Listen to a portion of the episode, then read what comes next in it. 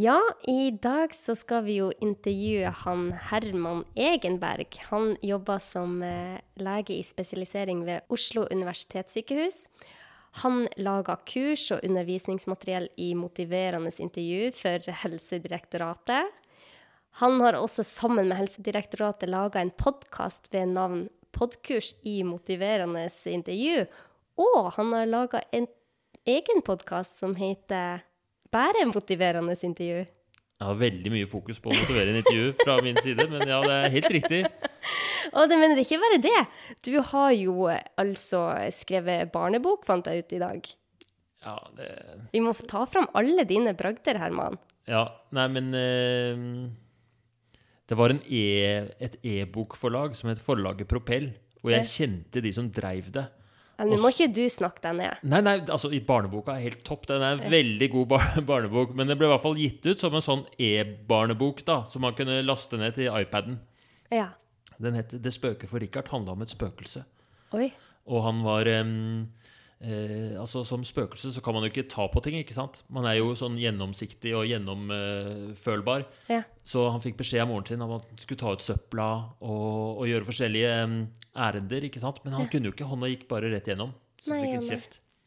Og ja, så det var em, Men det var, lite, det var bare lite sånn, eh, en liten greie som vi gjorde da for er lenge siden. Et lite sidespor. Et lite sidespor. Det var Gjorde- før jeg begynte på medisin. OK, så det hadde ikke noe med legeutdannelsen din å gjøre. Nei.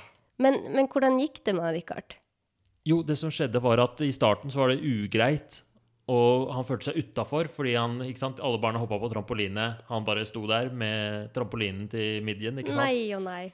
Men, ehm, men så etter hvert så fant han ut at, eh, at han kunne bruke de spesielle egenskapene sine til å hjelpe andre og til å gjøre forskjellige ting. da. Så da ble han populær allikevel, og så mm, fikk han til og med en slags hevn på sin slemme mor, som, ehm, som hele tiden kjeftet på han for at han ikke tok ut søpla. Men jeg følte at den var litt dyp, den boka her, egentlig.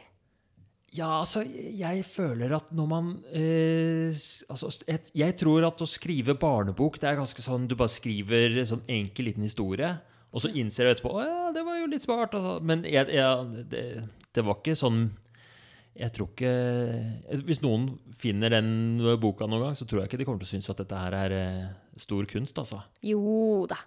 Men, men ja, vi, vi skal jo ikke snakke om barnebok i dag, men jeg tenkte at det, det var jo litt morsomt at du hadde gjort det. Det er jo ikke alle som har skrevet barnebok. Men ja, motiverende intervju. Hva som gjorde at du ble så interessert i akkurat dette temaet? Første gang jeg lærte å motivere en intervju, var på studiet. Eh, Jeg gikk medisin i Oslo, og så hadde vi undervisning i motivere en intervju. Ante ikke hva det var. Og ble satt i gruppe på to og to, og så skulle vi gjøre motivere en intervju på hverandre. Med en sånn lærer som sa sånn Gjør sånn og sånn. Still, nå kan du stille det spørsmålet. Og det eneste jeg husker fra det, var at det var For det første var det veldig gøy. Og begge vi to, jeg og min eh, medstudent, hun ble, altså, vi ble kjempemotiverte. For hun skulle komme i forelesning, og jeg skulle trene mer. eller noe sånt. Og det bare var så slående hvor godt det virka. da. Hun Oi. slutta å komme seint til forelesninger etterpå. Nei. Og um, jeg, jeg tror det funka ganske bra på meg, ja. Men det var i hvert fall eh, Da starta det liksom at jeg ble interessert i det. Og så, da vi hadde um, praksis i allmennpraksis, så var det liksom Så endte jeg med å litt sånn tilfeldigvis spørre pasientene mine om de røyka. Og så hver gang de sa ja, så spurte jeg altså Det var mens jeg fortsatt, fortsatt var student, men han var i, i praksis. Men så spurte jeg om de hadde vurdert å slutte. Og så var det et par som sa sånn Ja, jeg har vurdert på det, men jeg har liksom ikke fått fingeren ut, eller et eller annet. Ja. Og så inviterte jeg dem til en røykesluttsamtale. Jeg bare syns det er gøy, da. Ja. Eller det er liksom eh, Jeg hadde litt sånn eh, iver etter å gjøre det. Og min erfaring fra da tre sånne røykesluttsamtaler, det var at én hadde Altså, vi avtalte en røykesluttsamtale sånn tre uker frem i tid. Den ene hadde slutta innen den tiden. Bare liksom ved å gå og forvente at det skulle være en samtale, var nok. Og de to andre, når jeg ringte tilbake tre uker etter liksom én motiverende intervjusamtale, så hadde de slutta. Hæ. Så jeg har liksom Da jeg var ferdig lege, så var jeg helt overbevist om at dette var en superkul, bra metode. Det var gøy å bruke og enkelt å lære og sånt nå, og ville lære mer. Og, hadde også Før jeg skulle i turnus, så hadde jeg litt tid til overs. Det var sånn tre måneders vindu før jeg skulle begynne. Ja. Så da tenkte jeg at eh, For jeg har alltid likt pod podkast. Så da tenkte jeg at jeg kunne lage en podkast om motiverende-intervju. Litt sånn ut av det blå kom den ideen. Og så har det vært eh, kjempegøy, og så har jeg begynt å jobbe i Helsedirektoratet litt på siden og laget podkurs og sånt for de, og så har det blitt en greie, da. Og den har jo blitt kjempepopulær. Den har jo vært lasta ned tusenvis av ganger. Og du har jo motivert mange leger til å drive med motiverende intervju. Ja, jeg håper det. Det har i hvert fall blitt kjempepopulært, den der, det podkurset. Mange som har hørt på det. Ikke bare leger, mye altså, sykepleiere, sosionomer, alt mulig, Ja, kult. som, um, som bruker den. Så det, eh, det ble jeg veldig fornøyd med. Det var også ekstremt lærerikt for meg også, da, fordi jeg hadde jo vært mest sånn lest litt her og prøvd meg fram, men da fikk jeg jo gå gjennom en skikkelig ekspert som har lært bort motiverende intervju i mange, altså 20 år Ja. som satt og Det var jo først og fremst en unnskyldning for meg for å liksom få sitte i samme rom som hun da, ikke sant? gjennom en sånn innspillingsperiode. Lærte dritmye. Og fikk ha motiverende samtaler med ekte pasienter mens hun satt og hørte på og kom innspill og tilbakemeldinger og sånt Hm. Så, um, så jeg, jeg tror det er ganske, ble et ganske lærerikt kurs. Og, og, og podkast er jo så Jeg elsker podkastmediet. Jeg er så glad for at du lager podkast, fordi jeg syns, syns det er så bra. Jeg elsker å høre på podkast. Ja, podkast det er en veldig fin måte å formidle kunnskap på. Så, ja, men så kult. Så fant du ut at du skulle lage din egen podkast om det, og der intervjua du Eller ikke intervjua, hvordan sier man det? Ja. Så et motiverende intervju er jo basically et intervju. Det er ikke så veldig annerledes fra et intervju. Det er bare at man har visse, sånn, um, visse spørsmål som man alltid går gjennom. Og så har man viss, en, sånn, en innfallsvinkel, da. At man skal ha en type holdning. Ja. Um, nå kan ikke jeg forklare hele konseptet for motiverende intervju, men jeg prøver bare sånn kortversjon. Ja. Uh, Så du har en eller annen sånn holdning du går inn med om at du skal være uh, det skal være pasientrettet. Du skal ikke bestemme at pasienten skal slutte å røyke eller ikke. Det er pasienten som skal på en måte styre det selv. Du skal være epatisk og lyttende og, og liksom ha det holdningsgrunnlaget til motiverende intervju i bunn. Og så skal du bruke visse ferdigheter.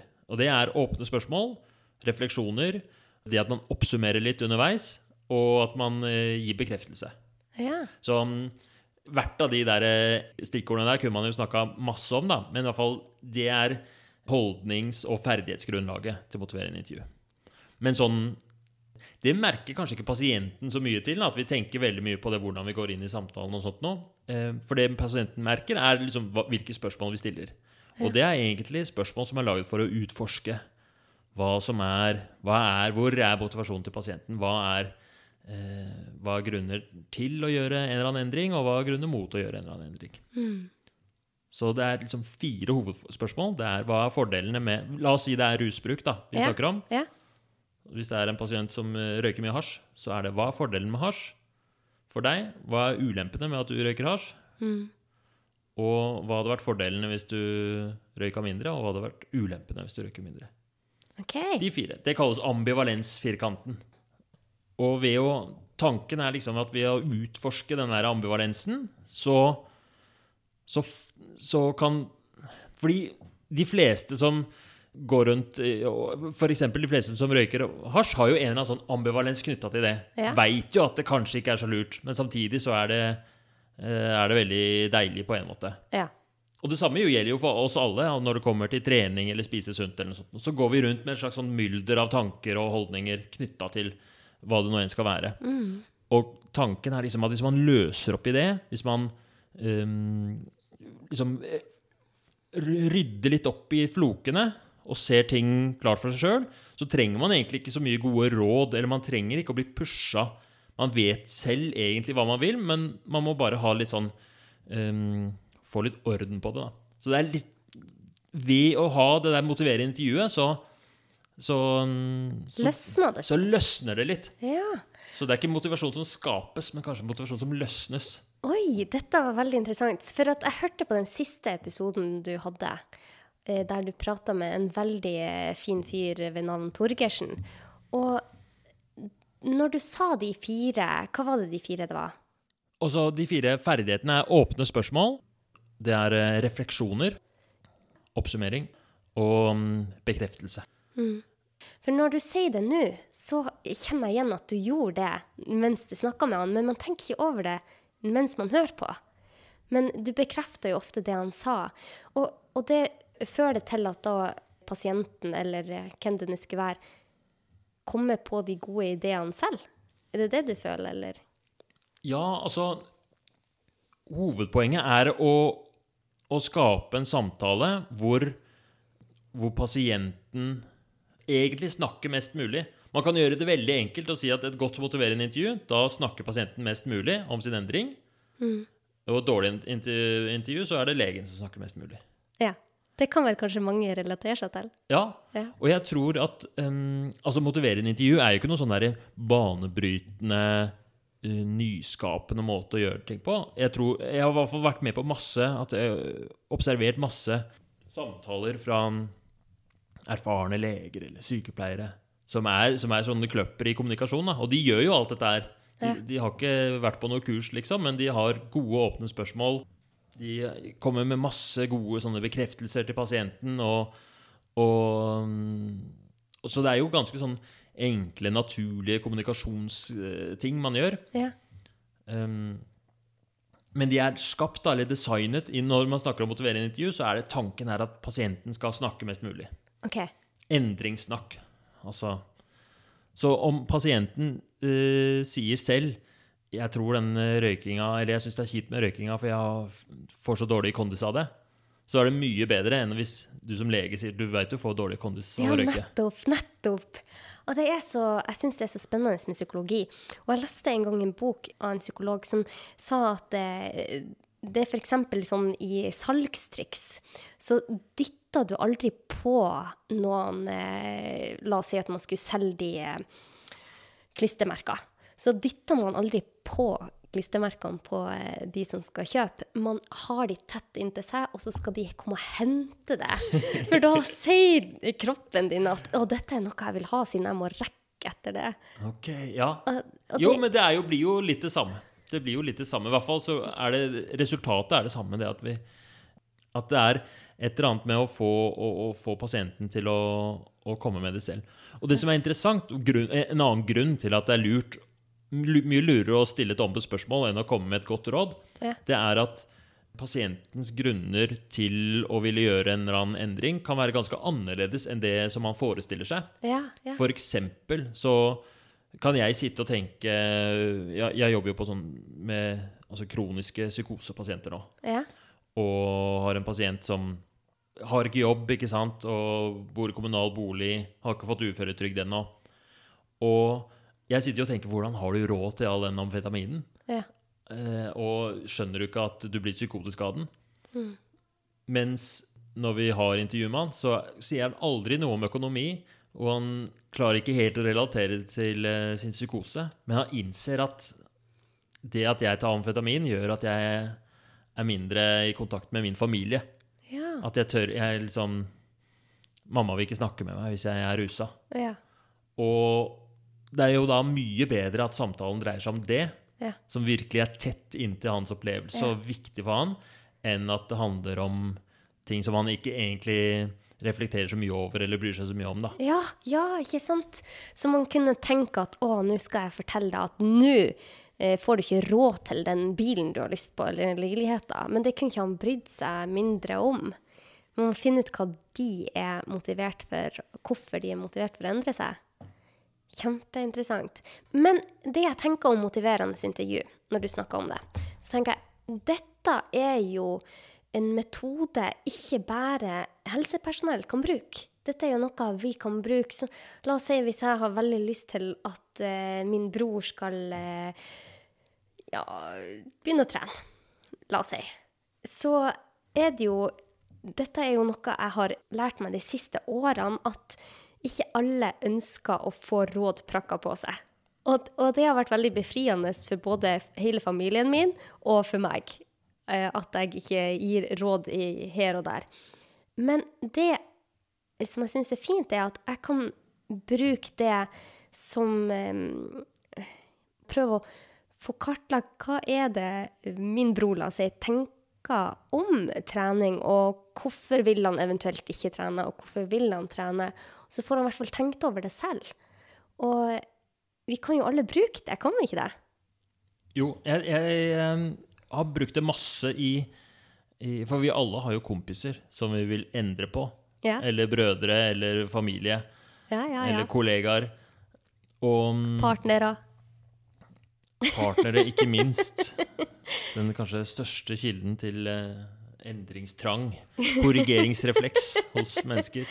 Men ehm, Så det er to ting som kommer ut av uh, Som jeg har lært av motive- motivere en intervju, som har påvirket hvordan jeg ser på det. Og det ene er jo det der med å ikke liksom bli for ivrig, ikke gi for mye råd, og ikke være han som hele tiden skal pushe alle andre til å endre seg. Fordi det, for det første så virker det i liten grad. Mm. Blir bare mas. Og er, det er kjipt å få høre hele tiden sånn du bør, du bør, du bør. Mm. Og mm, ofte så hvis man, hvis man tar en mer sånn der, motiverende intervju, tilbakelent eh, innstilling til det, så, så hender det jo av og til at eh, Hvis vi bruker eksempler på broren din da, som du vil at skal begynne å trene, Ikke det at alle Jeg syns alle mine tre brødre trener kjempebra. Bra. La oss få sagt det. Ja, bra. Se for meg brødrene dine som sånne sofagriser. eh.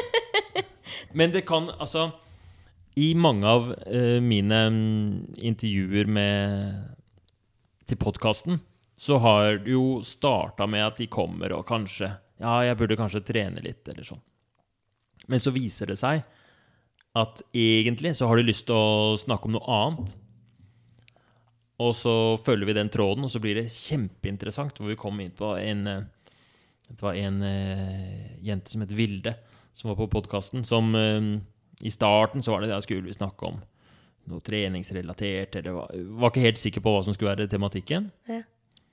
Og så kom vi etter hvert inn på at um, hennes problem handla mer om sånn at hun ikke følte at hun uh, uh, var helt i styring over seg selv. At hun sa veldig ofte ja til ting som hun egentlig ikke ville si ja til. da. Både Ja. på jobb, at hun sa ja til um, Sa ja til når sjefen ba henne om å jobbe ekstra, selv om hun ikke ville. Og også til og med i hennes tilfelle så sa hun av og til ja til det hun kalte veldedighetssex. At hun ble med folk hjem, og så syntes hun synd på vedkommende. Så hun klarte liksom ikke å si nei. Nei nei. Um, og så føltes det veldig kjipt etterpå, da. Mm. Og så var det liksom utgangspunktet med, med, for det motiverende intervjuet. Og så var liksom endringen altså, Hvordan vil det føles å være Å endre det, da? Og si nei til, til sånne ting. Og så ble det liksom et lite prosjekt. Og ut fra det så sprang det liksom en sånn voldsom eh, endringsprosess hos hun, da.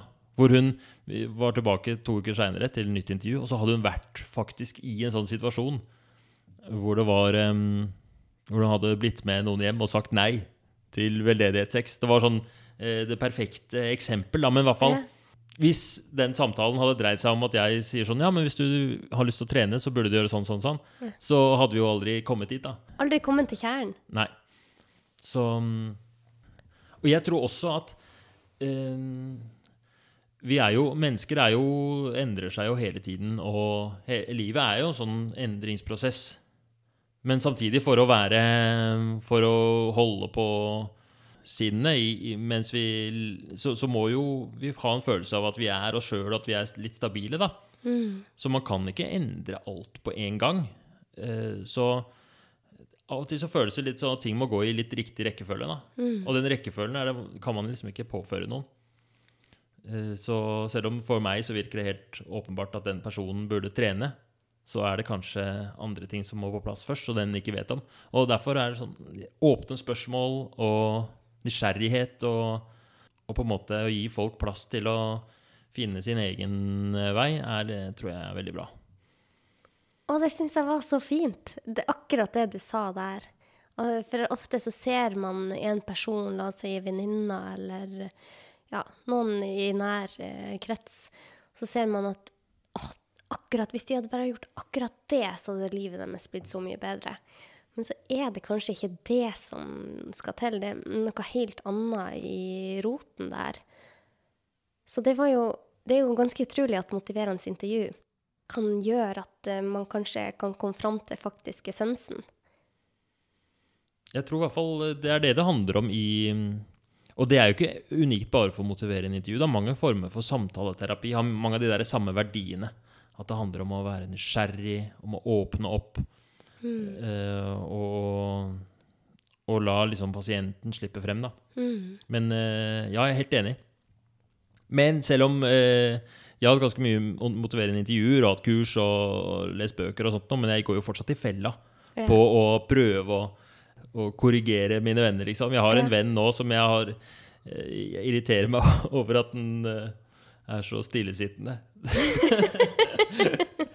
så nå har jeg satt i gang et sånt her skrittellerprosjekt hvor vi har veddemål og alt mulig. Så jeg er jo en idiot. Uh, like stor idiot som jeg alltid har vært. Men eh, Så det er ikke så lett. Det er en annen viktig lærdom, da. Kanskje en av de aller viktigste, i hvert fall for leger, fra motiverende intervju, det er dette med korrigeringsrefleksen. Ja, ja. Har du hørt om den? Nei, men vi er så løsningsorientert, så jeg Ja. skjønner vi, vi vil så gjerne bare finne løsninger med en gang. Ja. Og det er jo kjempebra, og det er jo jobben vår også. Ja. Så i mange tilfeller så er det jo Medisinstudiet og, og legeyrket handler jo om å dyrke fram og benytte seg av den eh, hjelpelysten og iveren som er i oss. Men akkurat når det kommer til sånn levevaneendringer og motivasjon og sånt nå, så er den virkelig til et stort hinder. Ja. Så den som um, Det er som en refleks. Altså, når du, altså, du har sikkert opplevd det mange ganger. Ja, jeg, Akkurat som du gjør med, med broren din, som du gjerne vil. ja, jeg jeg opplever det hver dag. Ja. Ja. Og så mange pasienter. Så har du så lyst til å bare løse problemet for pasienten Ja, og ja. fikse det. Og av en eller annen merkelig grunn så er psykologien vår skrudd sammen sånn at hvis du gjør det, hvis du eh, gir etter for dine lyster og begynner å, å gi råd og, løse, og legge en plan for pasienten Ja. som den ikke er klar for, Mm. så, mm, så stopper du motivasjonen, faktisk. Eller hindrer den. Du unngår å gjøre det som faktisk kunne skapt motivasjon, det å stille spørsmål isteden. Men jeg tror, det, jeg tror så på dette i alle sammenhenger i livet. Ikke for bare oss leger, men for andre. Jeg tror at vi hadde hatt bedre relasjoner hadde vi klart å ha eh, Prøve å få bort den hva du kalte den korrigeringsrefleksen. Fordi at det, det er bare noen få år siden jeg skjønte at det var det jeg drev med. Jeg sånn jeg, jeg tror jeg hele livet har hatt et vanvittig behov for å hjelpe andre. Og det er jo sikkert derfor jeg begynte på medisinstudiet. Og eh, jeg begynte som fastlege før jeg begynte å spesialisere meg på hud. Og der er det jo sånn du har masse pasienter, 20 pasienter om dagen. Og der er jo mange ting du kan eh, korrigere og hjelpe og prakke på råd. Men det var noe i meg som sa at dette, dette er kanskje ikke den riktige måten. Og så begynte jeg å lese masse bøker om det. og sånn. Så jeg, kanskje, jeg har ikke lest om direkte motiverende intervju, men mye av det flettes inn i det. Og det hvert fall jeg oppdaga etter at jeg skjønte hva det var jeg drev med, var at jeg fikk det bedre, ikke bare med andre, men jeg fikk det bedre med meg selv. For at før så kunne jeg, altså hvis det var noen som spurte meg på gata om hjelp, så hadde jeg fulgt de hele veien. Altså jeg har sånn veldig behov for å hjelpe andre. Og det har vært veldig lettende for meg å skjønne at én, ikke alle ønsker den hjelpa, og to, hvis jeg gir alle hjelp og gir de min fasit, så kanskje jeg tar fra de muligheten til å få det bedre, eh, ja, eller finne essensen med hva som faktisk er problemet. Så ja. Ja, men så kult at, eh, at du ser det. Det er jo ganske sånn god innsikt, da. At, um, at Fordi det er veldig lett å tro at uh, Det føles jo bra også å hjelpe andre. ja. Det føles utrolig deilig. Men akkurat det du sier, at uh, man vil så gjerne hjelpe, men av en eller annen grunn så er det er det veldig mye god hjelp i å holde tilbake og slippe til. Og, uh, altså hvis ehm, hvis eh, ja, Ser jeg av og til på pasienten som en, en, slags esel. Og så tenker jeg at man skal ikke gå foran og dra esel. Da blir det Da stritter den imot. ja. Du må liksom holde deg litt bak eselet, også.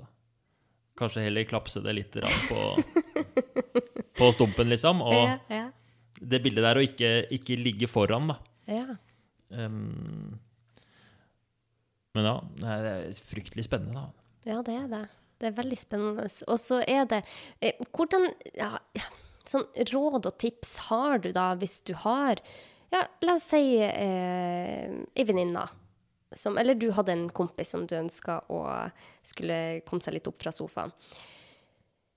For ikke bare vi som er helsepersonell. Hvordan skal man gå fram? Skal man sette seg ned i lag de, og så skal man si er det noe du har lyst til å prate om, eller hvordan begynner man den samtalen?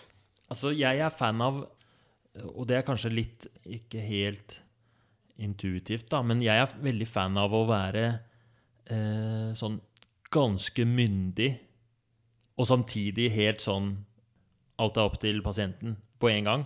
Så i det tilfellet, hvis du har en, eh, hvis du har en eller annen som du har lyst til å snakke Altså en bror som vil trene sånn, Ja. så sier du bare Nå eh, kan du hjelpe meg å prøve, jeg vil teste ut noe. Nå skal vi snakke om eh, trening, og så tegner du, tar du et ark, tegner eh, fire firkanter. Fire firkant eller Fi- én firkant? En firkant med et kryss i. Da blir Ja. det fire firkanter. Ja, ja, ja. Så arket er, A4-arket er firkanten, Mm. og så tegner du én strek på Det er som om du bretter de fire. Ja, ja, ja. Vet du hva, jeg skal tegne sånn og legge ut på Instagram. Sånn at, Tegn, legg ut på Instagram. Ja, ja. Og så er det ehm, fordeler med trening, Ja, ulemper med trening, fordeler med å ikke trene, ulemper med å ikke trene. ja. Eller eh, fordeler Du starter øverst, så starter du med, alltid med fordeler Ja. med eh, status quo, da, ikke sant? Ja, Så hvis det er en som røyker, så starter du med fordelene med å røyke. ja OK. Og sørg for Veldig mange er sånn Ja, men det er ikke noen fordeler med å røyke. Jeg vet det. Så, nei, nei, nei. Vi må finne ordentlig mange fordeler med å røyke. Ja. OK, det er deilig sånn og sånn etter middag, bla, bla, bla. Ja. Og få det inn, liksom. Ikke vær redd for eh, den, de argumentene, liksom. Ja. Og så går du gjennom alle firkantene. Ferdig, se hva som skjer. Trenger ikke gjøre mer enn det. Så fordeler, hvis det var røyking Fordel med å røyke, ulemper med å røyke. Og så neste fordel med å ikke røyke, og ulempe med å ikke røyke. Mm. Og så fyll inn det, og så gå gjennom det. Ja. Det er et motiverende intervju. Så enkelt kan det gjøres. Ja. Og så er det jo masse mer eh, triks og tips til hvordan man kan eh, krydre det enda mer, mer da. ja. Men hva kaller du den her eh, firkantmodellen? Ambivalensfirkanten. Jeg tror det er det den heter, men det var i hvert fall det min gjest Nikolai Nicolai Torgersen sa til meg sist eh, intervju. Ja.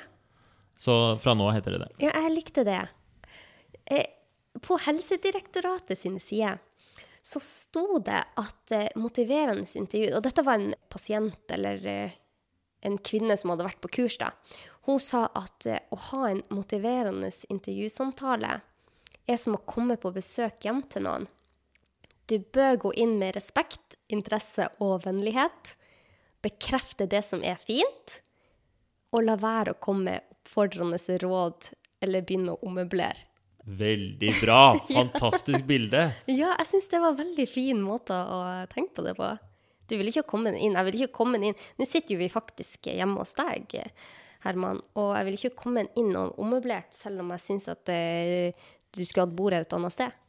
Men si helt ærlig, syns du jeg skal ha bordet et annet sted? Nei, jeg syns ikke det. Jeg syns det var helt perfekt her det sto. Ja, i hvert fall sånn da du kom på besøk hit nå, så har du jo fulgt alle disse Du har vært vennlig og kommet med masse bekreftelse, sa det var fint. Og du har ikke ommøblert noe som helst, så du gjør en veldig god jobb. Men jeg sa jo at du måtte vanne plantene dine, da. Så der, der, der kom min refleks inn. Der kom korrigeringsrefleksen Ja, din, vet du hva? Jeg jeg har masse å lære. Jeg har fremdeles masse å lære. Ja, men det, sånn er jeg jo. At, det... Men du har veldig mange fine planter, da. jo takk, men de er jo i ferd med å dø. Jeg har en sånn intensivavdeling av planter i vinduskarmen her. De som eh, er nærmest. Ja, men de har- ser ut som de kommer seg. Ja, faktisk så har det hjulpet å, å sette de mest lidende plantene for seg selv Ja. Eh, i en sånn avdeling, og så har jeg fokusert på de, men nå er det, jeg tror jeg må bytte om, for nå oppe her på bare vanlig sengepost, øverst på den reolen, så ligger det jo veldig tynt an, da. De har ikke fått nok oppfølging. Nei, nei, nei. De må få vann. Ja. Men ja, så, så eh, der ser du korrigeringsrefleksen eh, hos oss. eh. Jeg har en tanke til om plantehold, Ja. og det er jo også at eh, jeg har ikke lyst til at disse plantene Jeg syns det er fint med planter, men jeg vil ikke at de skal styre livet mitt. Så min strategi har vært å kjøpe masse forskjellige planter, Ja. og så vanne de litt etter min rytme. Og de som dør, da vet jeg bare at da er ikke den planten en match for meg. Nei! Og de som trives, de vil da Da vil jeg kjøpe bare flere av de etter hvert. Men du skjønte du at dette er litt sånn som relasjoner? Hvis det, hvis det ikke går, så er ikke de laga for akkurat ditt liv. Altså det, jeg, jeg er god med planter, jeg er mindre god med relasjoner. Kanskje jeg skal ta med det tipset videre. At det er faktisk akkurat det jeg må gjøre der òg. Ja, ja. Men hva gjør, man, hva gjør man hvis alle relasjonene visner? da? Hvis man ikke har noen som ja da tror jeg man må se litt på seg selv. Ja, Da må man begynne å vanne, kanskje. Ja, jeg tror det. Kanskje, kanskje drive med litt sånn motiverende intervju på seg selv. Ja. Men eh, Herman, kanskje du skal eh, ta et eksempel på meg. Nå kan jo du hjelpe meg med en av mine mange ting.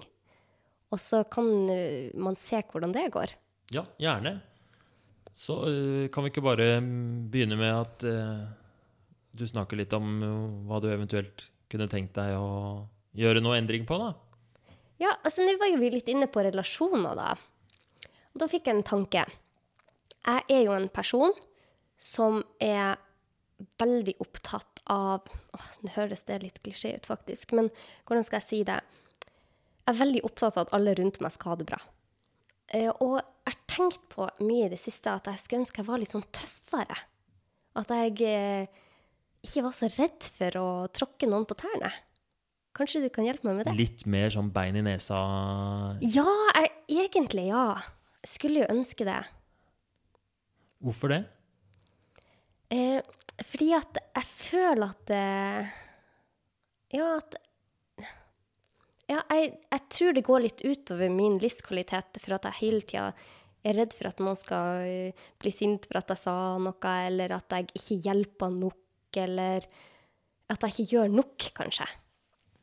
Så det, er litt det er, Fordi det må jo være fantastisk for de rundt deg at du er så eh, omsorgsfull. Men du sier også at for deg selv så er det litt, um, litt sånn anstrengende. Og litt At du går og tenker på det ganske mye, og det er Ja. på en måte et slags stress. Ja, ja, ja, når du sier det så, så, så er det nok litt stress. Eller eh, som regel så går det jo helt fint. Men med en gang hvis jeg føler at jeg har gjort noe som har gått over streken, eller at jeg føler at å herregud, nå hjalp jeg jo ikke der. Og, eller hvis jeg glemmer Jeg er veldig distré.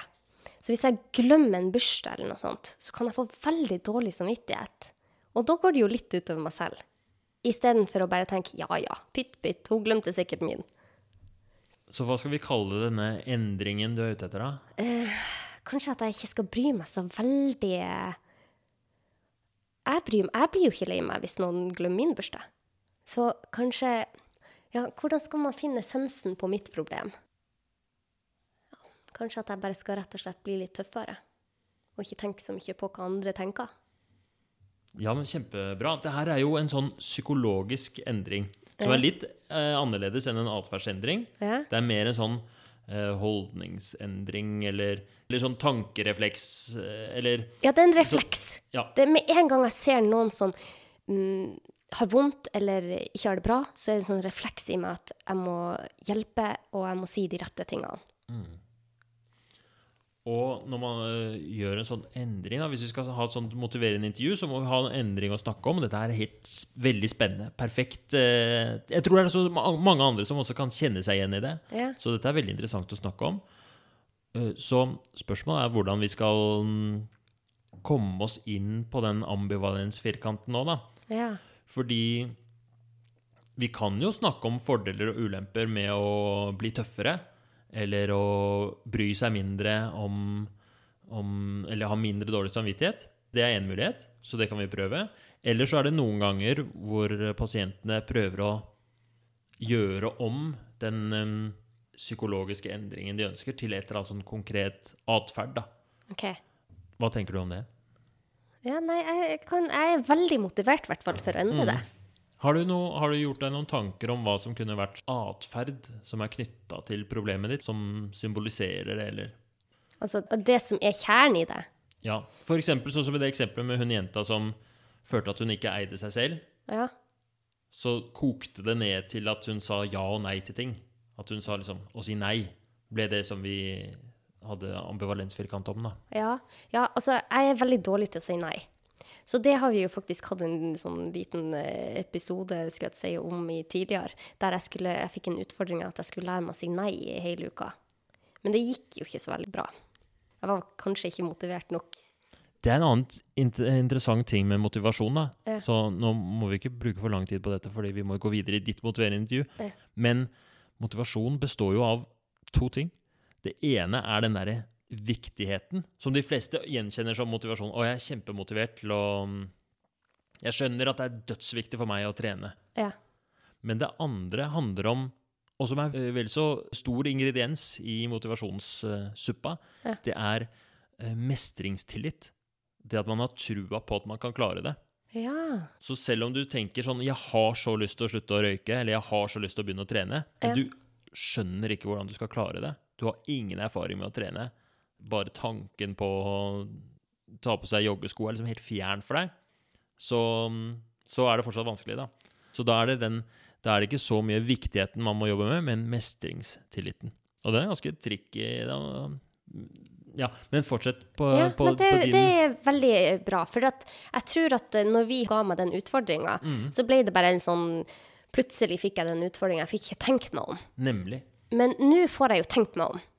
Og når jeg sier det høyt til deg, så ser jeg at jeg veldig Jeg har faktisk lyst til å lære meg å Nei, kanskje ikke si nei oftere. Det, det går fint. Men bry meg litt mindre om hva folk tenker. For jeg tenker at de er jo robuste, eh, folkene rundt meg òg. Kan du beskrive hvordan det arter seg når du, når du bryr deg om hvordan folk tenker? Altså et eksempel, eller eh, Og hvordan det kjennes for deg? Ja, ja, eksempel i dag. Så ringte en venninne meg. Og eh, jeg skal ikke gå lenger inn på det, men hun trengte hjelp med noe. Og så innebærer det jo at jeg må gjøre en del ting.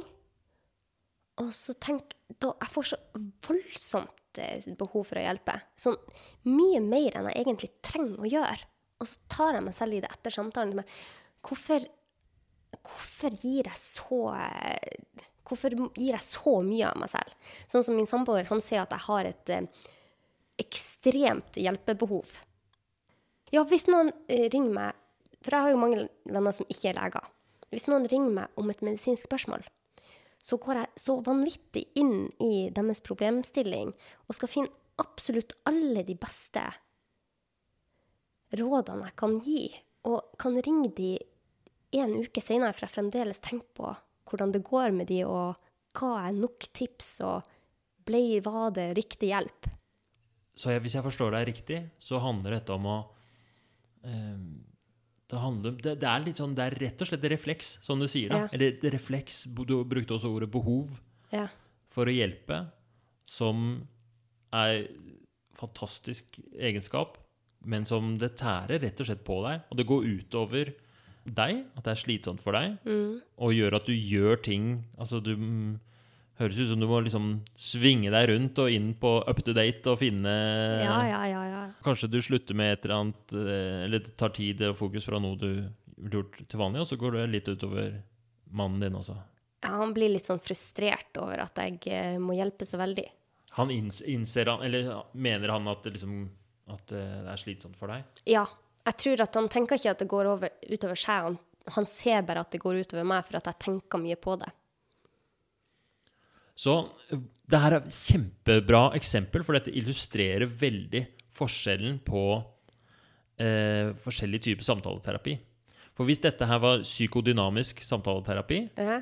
så hadde vi lett etter Så hadde vi tenkt at ok, dette er et mønster, og så hadde vi lett etter etter eh, kanskje årsak til det mønsteret. Var det noe som skjedde i barndommen din, eller er det noe med oppveksten din som gjør at du har havnet, fått dette hjelpebehovet, eller som har liksom bygget det opp som en kanskje en slags sånn forsvarsmekanisme hos deg, og så kanskje over lang tid jobbet med å i terapien skape gode erfaringer med å kanskje gjøre det motsatte, eller finne konstruktive måter å jobbe med det på.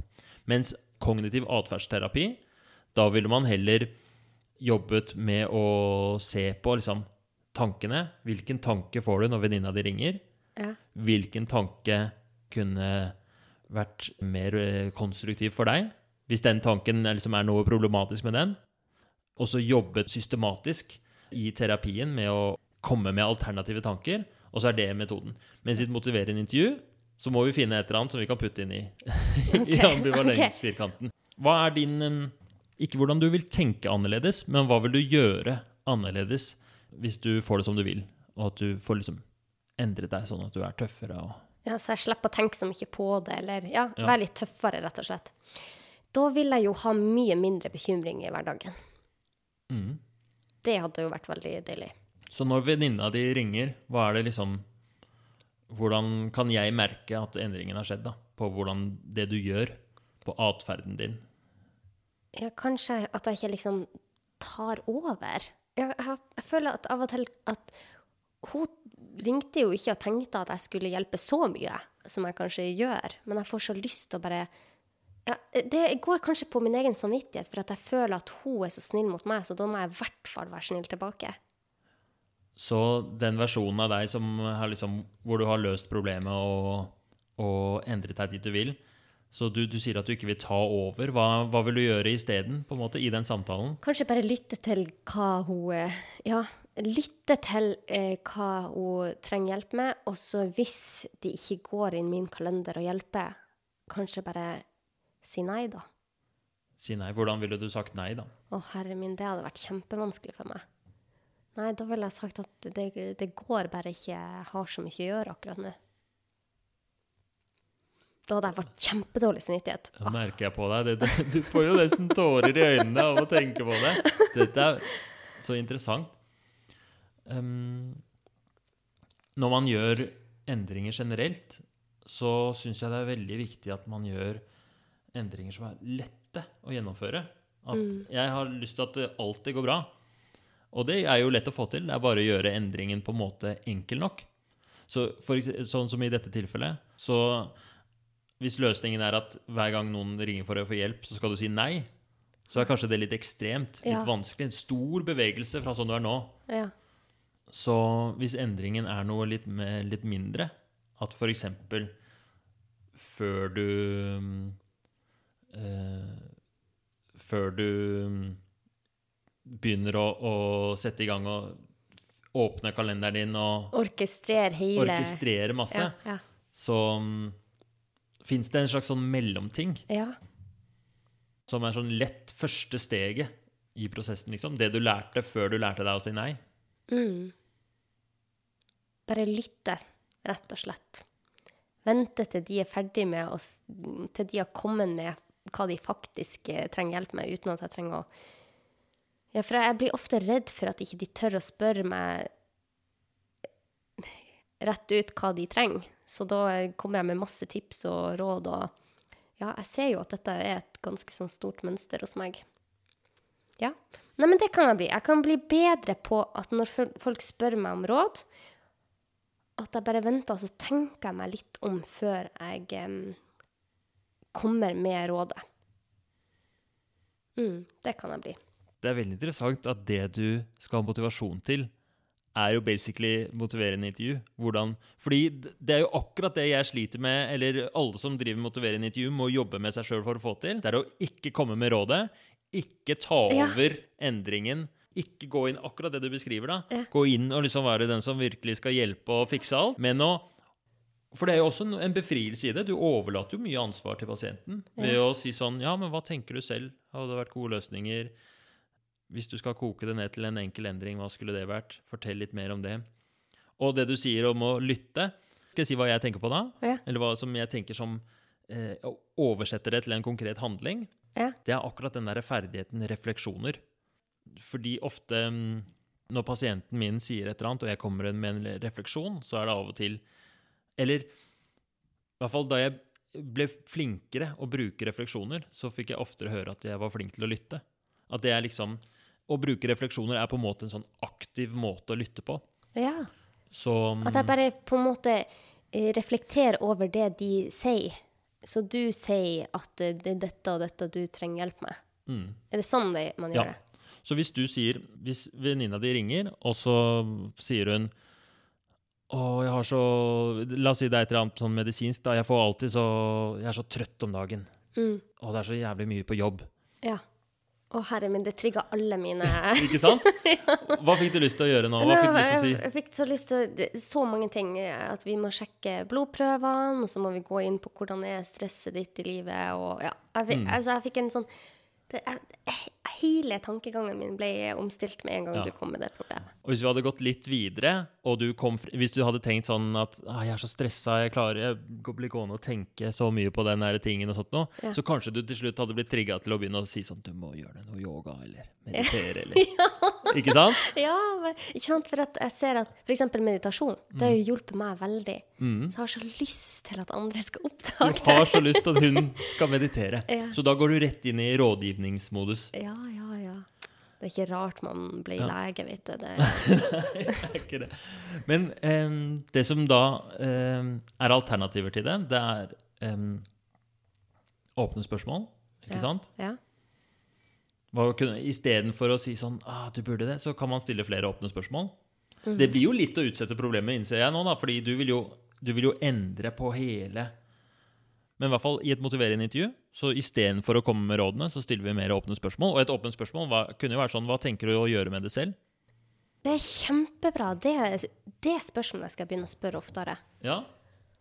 Eller så er det da å reflektere. Det er kjempeinteressant. Du burde prøve det. Hva som skjer hvis du, hvis du istedenfor å si sånn du burde begynne å meditere, så sier du sånn Det her har virkelig eh, tatt all energien din, den stressinga di. Ja. Og så bare Ja. er du stille. Ja. Og så kommer de til å si sånn Ja! Og det som også er at bla, bla, bla. Og, vet, og så til slutt, hvis du bare klarer å holde vekk rådene, så kommer de etter hvert med de rådene til seg sjøl. Men nå ble det i Ja, men jeg føler at dette er så bra for meg. Jeg føler at du, du er virkelig inne på noe. For det stillhet i samtaler, det, ganske, det kan være litt vanskelig, for man må kjenne på sin egen uro da. Ja. Så det, det er kjempe... Jeg bare tenkte på I går så var jeg på jobb, og så jobba jeg på helsestasjonen nå 50% og så har jeg jo barn. Og så kom det en far inn med barnet, og barnet var friskt, og vi var ferdig med samtalen, og så akkurat når han skulle eh, gi meg et eller annet, så ser jeg at han har håndeksem. Og så bare 'Du har håndeksem, og det her er ikke bra, og jeg må hjelpe deg', ikke sant? Var det faren, eller? Ja, det var faren. og jeg skriver resept til han og sier 'ha denne hudlegen må han fære til, og det må jo være forferdelig for deg å gå rundt med sånn håndeksem. Og...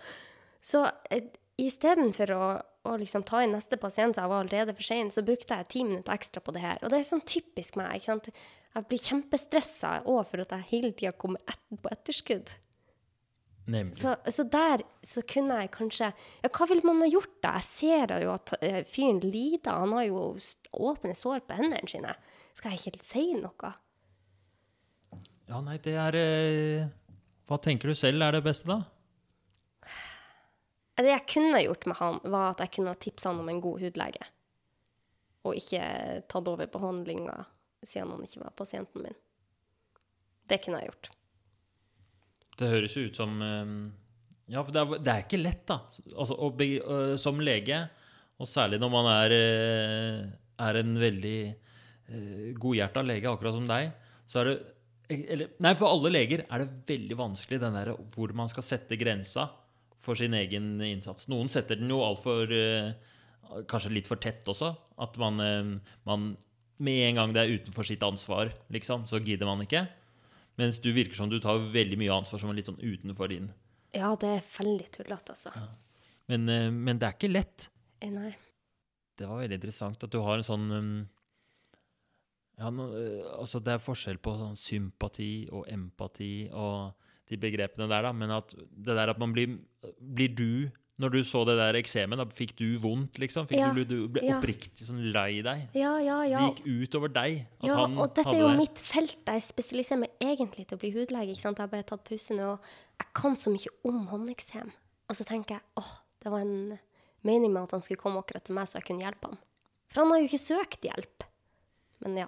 Det er ikke rart at korrigeringsrefleksen eller hjelperefleksen går veldig hardt inn der. Og det er det samme som skjer med, med venninner som ringer og alt noe. Og det er Det virker som du kan ha masse glede Eller det kan godt hende at du kan ha masse glede av å, å jobbe med den. da. Skal vi ta oss og bestemme oss for en konkret endring som Ja. vi kan bruke, ta kjapt gjennom i ambivalensfirkanten. Ja, Det må vi gjøre. Så istedenfor å gå helt bananas og begynne å hjelpe, Ja. så kan du velge deg liksom en konkret ting Ja. som du skal gjøre isteden. Ja. Um, som, og du har nevnt liksom lytte, stille åpne spørsmål, eller eh, Ja, sånn som du Og sa. reflekter, som du sa. Mm. Mm. Det går også an å En ting jeg har lyst til å lære meg ah, Man skal ikke komme med egne for, Man skal ikke komme med så mye forslag. Jeg klarer ikke å la være. jeg har sett på Eller um, Det er jo masse forskjellige psykiatere og psykologer som har sånne samtaler på YouTube og Twitch. Og, Det er så spennende. Så for, Ja. ja. og det er en som pleier å liksom i midten i samtalen så sier han sånn Du, er det greit for deg om jeg bare tenker litt? Og så sier alltid pasienten ja, ja. Og så sitter han sånn og tenker. Kanskje han skriver litt og noterer. Og så begynner han igjen. har, men da har han Ja. tatt seg fem sekunder eller noe Ja. til å tenke litt sånn Hvor skal jeg gå videre i samtalen? Og det virker så, det virker så lurt. Så er det greit for deg om jeg tenker litt nå. Ja.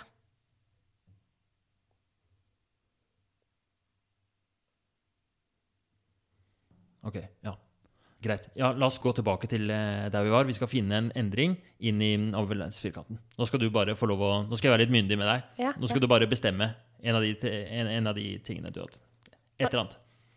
Etter, eh, noe jeg skal gjøre? Ja, et eller annet som jeg kan måle. Sånn som hvis, hvis du hadde kommet tilbake om en Ja, uke, ja. så, kan, så kan jeg spørre deg hvordan har det gått, og så kan du vite Jo, i de tilfellene så skjedde det, og da gjorde jeg akkurat som jeg hadde tenkt. Jeg stilte et åpent spørsmål før jeg begynte å Eller hva det skulle vært. Det, det jeg veldig, veldig lyst til, er å faktisk bare gjøre sånn som du sa. Ta en tenkepause. Ikke respondere med en gang.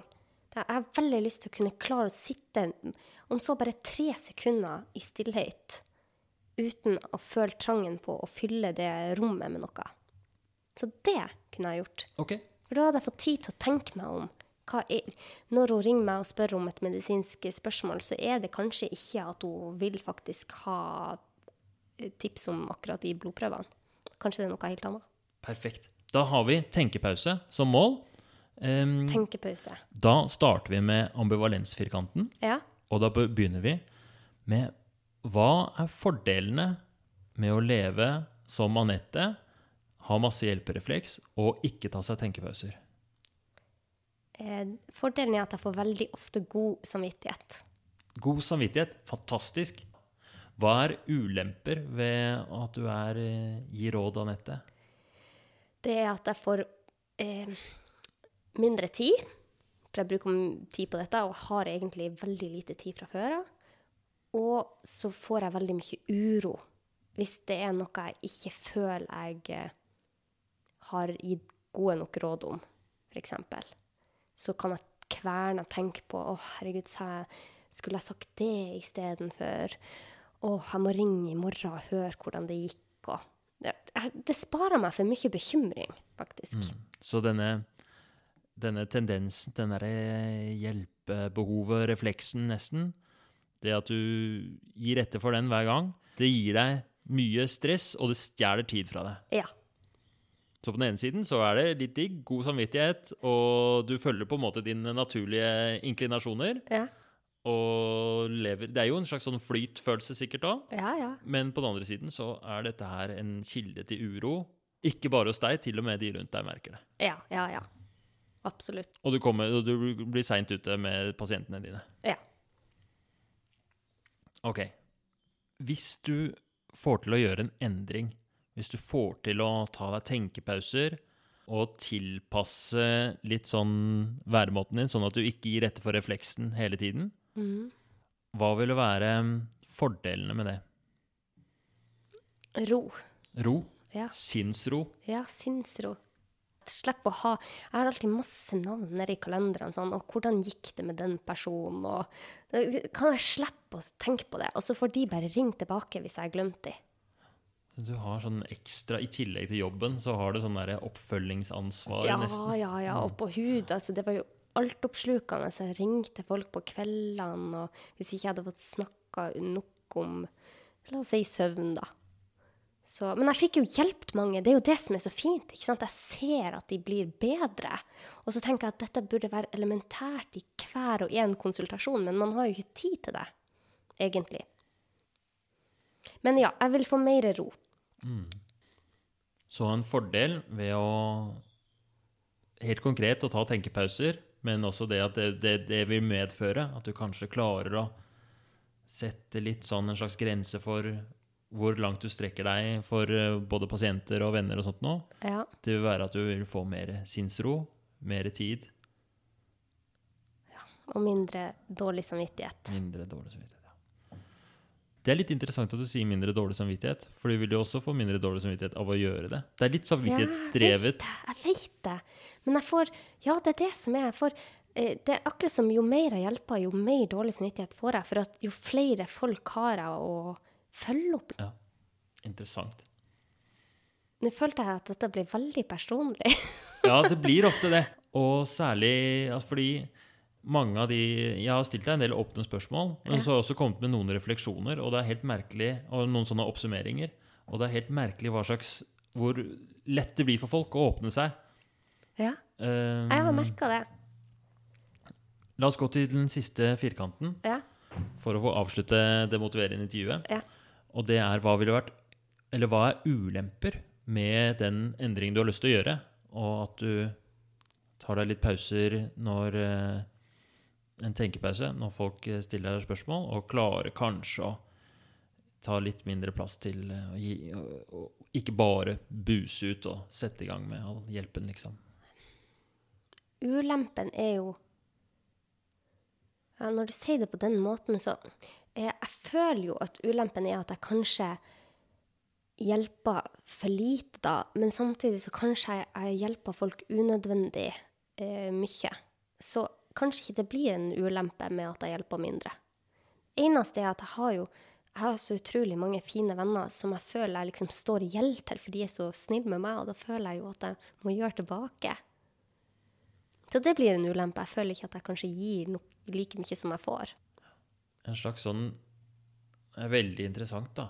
Og jeg tror det er sikkert noen som hører på, som tenker sånn Akkurat sånn er jeg, mens andre tenker sånn Det var jo veldig merkelig måte å tenke på. ja.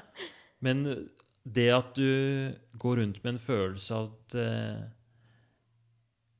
Ikke bare at du ønsker å hjelpe når noen har det vanskelig, men at det nesten er som en sånn gjeld. Ja, ja, for at jeg føler meg veldig heldig, egentlig. Som eh, Ja, jeg føler meg veldig heldig som Jeg har det jo egentlig veldig bra, og da har jeg i hvert fall behov for å gi tilbake det jeg får. Så en ulempe ved å ta disse pausene, sette disse grensene for å få mer sinnsro, det vil være at du Ja, at du må, at du må liksom bevege deg inn på derre det derre landskapet mellom liksom skyldfølelse, Har jeg, hjelpetrang har jeg gjort nok? Har jeg gjort nok? Hvordan føles det å ha gått gjennom eh, firkanten? Jeg syns det var veldig Det var litt sånn oppklarende. Jeg følte jeg fikk litt mer eh, Jeg har tenkt mye på det, men jeg følte at jeg ble litt klarere i tankegangen nå. Og jeg trodde, før vi snakka om dette, så trodde jeg at jeg egentlig var blitt skikkelig god på å ikke hjelpe folk. Men eh, jeg ser jo nå at jeg har jo en lang vei å gå. Ja, altså det er eh, Det er en veldig interessant problemstilling, fordi han eh, mannen med håndeksem er jo sikkert eh, glad for det. Ja, ikke At ikke han har sant? fått den resepten. Ja. Men han har helt sikkert samtidig også Hvis han hadde visst at du kom på etterskudd med de andre pasientene, så hadde han kanskje sagt sånn Nei, jeg må ikke vise håndeksemen. Eller ja, hvem vet? Men, um, Men jeg det er- føler jo ofte at folk som ikke spør om hjelp, er de som trenger det mest. Ja, for de har ikke Ja, ikke sant? Så- Skjønner. Og der føler jeg at jeg er veldig god til å plukke opp. Ja. Dette var veldig spennende. Nå, hvis vi hadde hatt et ordentlig motiverende intervju, så er det litt som gjenstår med om Jeg er i hvert fall veldig fan av at det er en oppfølging, og at vi har nesten en sånn derre helt sånn bombesikker plan Ja. for hva som er Kan du si om det er en lekse eller Og den er det helst pasienten som skal lage. Og min jobb er ofte er å sørge for at uh, den er ikke er for vanskelig. ja. Sånn at i ditt tilfelle så, så kunne vi gått gjennom sånn og sånn, og så hadde du sagt sånn Ja, men da skal jeg hver gang noen ringer, så skal jeg ta meg en pause. Og så kunne jeg sagt sånn Ja, men hvis du i hvert fall gjør det én gang, så er det kjempebra. OK. Og så gjøre det konkret, da. Sånn at nå istedenfor at du var sånn Ja, men da skal jeg lytte til alle som ringer, og så skal jeg være flinkere å lytte og ikke gi så mye råd. Så blir det litt vanskelig å måle, ikke sant? Ja. Så da ville jeg heller sagt sånn Hva er en setning som indikerer at du har lytta? Det er f.eks. hvis du sier sånn Du, kan jeg bare tenke på det litt og ringe deg tilbake? Eller um, Og så Da kan vi til og med se, da kan du vise meg mobilen. ikke sant? Ser du her? Så ringte han først i fire minutter, og så ser du en telefon her etterpå. To minutter til. Det betyr at jeg la på imellom, Ja, og ja. sa jeg skulle ringe tilbake. Det er sånn eksempel på hvordan man kan tilpasse planen for å gjøre det helt sånn enkelt og konkret. Ja. Også sånn at det er helt sånn, du er nesten sikker på at det kommer til å funke. Og hvis det ikke funker, så kan man se sånn nøyaktig hvordan Det verste er sånne planer hvor du ikke er helt sikker på om det gikk eller ikke. Fordi da Nettopp. Så man skal ha, i motiverende intervju så skal man ha en konkret oppgave som man har framfor seg. Ja, hvis pasienten er klar for det. Noen ganger så går man gjennom det motiverende intervjuet, og så er det fortsatt masse ambivalens igjen. Og du merker at de liksom ikke er så gira og ikke har helt trua. Ja. Da passer jeg på sånn Fram til neste gang skal vi ikke gjøre noen endringer. Og gjør det også veldig konkret, da. Ja. Fordi det siste jeg vil, er liksom at jeg begynner å legge press på at pasienten skal slutte å røyke. Og så slutter de ikke å røyke, og så syns de det er skummelt å komme tilbake til meg. Ja, Så dette er jo for andre som lytter på òg, hvis de har en venninne eller sånn, så, så kanskje ikke de trenger å, å i det hele tatt komme med et eneste råd i løpet av den, eh, det motiverende intervjuet de har hatt. Ja. Det er helt fint å bare gå gjennom den firkanten og så se hva som skjer. Ja, kjempebra. Nei, men du, vi får ha en ny episode der vi går gjennom hvordan det gikk med meg. Ja, det kan vi ha. Ja, for det, det her syns jeg var kjempeinteressant. Og så var det jo litt fascinerende at det liksom begynte å dreie seg om akkurat motiverende intervju. ja, det var veldig, ble veldig meta på et tidspunkt der. At uh, mange av de endringene du etterlyste i deg selv, var endringer som man gjør når man blir flinkere i motiverende intervju. Så kanskje jeg kommer til å bli skikkelig god på motiverende intervju Det er jeg helt sikker på. Ja, takk for at du Ja. har trua på meg. ja, har Ok, voldsomt nei- på deg. Men nå er sikkert folk lei av å høre om mine eh, problemer her. Ok, jeg skal få pustepauser når jeg snakker med folk, både pasientene mine og venner og mannen på gata. Så skal jeg tenke meg om, trenger de faktisk denne hjelpen? Er det de som spør etter den? Eller er det jeg som har, er det mitt hjelpebehov, som, min refleks som slår inn? Mm. Så det skal jeg komme tilbake til deg med, om jeg klarte det eller ikke. Men jeg tror jeg skal klare det. I hvert fall bli mye bedre på det. Det var veldig hyggelig at vi tok denne praten. Herman, har du noen siste tips og råd før vi legger på? Em, Til folk flest på gata, liksom. Ja. Til hvem som helst. Ja. Om Hvordan man kan snakke med andre. Mm. Det, for vi har jo absolutt alle noen i nær familie eller venner som de tenker at åh, de trenger hjelp. mm. Jeg skulle gjerne hjulpet dem. Hvordan gjør man det? Jeg tenker at å lære litt om motiverende intervju, det tror jeg kan være kjempefint for absolutt alle. Ja. Nå, så nå tok jeg spørsmålet ditt og gjorde opp til reklame for det podkurset til Helsedirektoratet, men jeg syns det er et veldig bra kurs. Det er kort. Ja. Fire episoder. Gratis. Ikke noe reklame eller noe sånt nå. Det er, og det er retta mot helsepersonell, men mamma hun er ikke helsepersonell, og hun syns det var bra og hadde masse nytte av det. Ja, Så da går hun god for det. ja så bra. Um, og ellers helt konkret For å Bare en sånn bitte liten ting man kan gjøre for å sette i gang med et åpent spørsmål istedenfor et råd, det er at man spør den det gjelder, om råd. Og spør sånn Hvordan hvis, hvis jeg har veldig behov for å Jeg får så lyst til å hjelpe deg, for jeg ser du har det vanskelig med det og det, eller hvordan, kan jeg gå, hvordan kan jeg hjelpe deg, liksom? Hva, hva trenger du? Hva er det jeg kan gjøre for deg? Så har man i hvert fall starta med et åpent spørsmål, og så kan man ta det derfra. Eller så kan man være veldig myndig og si sånn Hallo, har du lyst til å teste ut den nye greia jeg har lært med denne ambivalensfirkanten? Ja, ja. Men Ok, jeg, det var tre råd. ja, det syns jeg var veldig gode råd. Og, og jeg, jeg skal skal Regelen min er egentlig at aldri, ett råd er nok, men jeg klarte ikke la Ja, Denne men- gangen heller ikke. Men du har så masse godt for deg. Så det skal jeg òg prøve å si når noen spør. Så skal jeg si Men hva tenker du egentlig at du trenger hjelp til? Eller hva var det du sa? At Mm. Ja, nei, men det, akkurat det. Okay. Hva tenker du at du trenger hjelp til? Ja. Hvordan kan jeg hjelpe? Eller noe sånt. Kjempebra. Veldig spennende å snakke med deg. Jo, jeg syns det var kjempespennende å snakke med deg òg. Utrolig. Du er veldig masse god energi og så flink til å stille spørsmål, og dette var en drøm å være med på. Jeg vil gjerne være med på flere episoder for å ta oppfølginga. Vi må jo finne ut hvordan det går. Vi må finne ut hvordan det går. Hvor lang tid skal man ha før man skal eh, reflektere over hva man har fått til? Eh, Så, så kort som mulig. Altså ti dager. Ti dager? Oi! Da tok jeg bare et tall ut av lufta. Men Ok. eh, ofte når det har gått tre uker, så har du Da har i hvert fall jeg helt glemt hva vi snakka om sist. Og okay. Okay, en men uke. jeg skriver deg melding om ti dager og forteller fortell hvordan det har gått. Ja, fint. Og så tar vi en ny episode snart. Ja, det gjør vi. Så bra. Tusen takk for at du ble med i podkasten, Herman. Jo, bare hyggelig. Ha det godt. Ha det.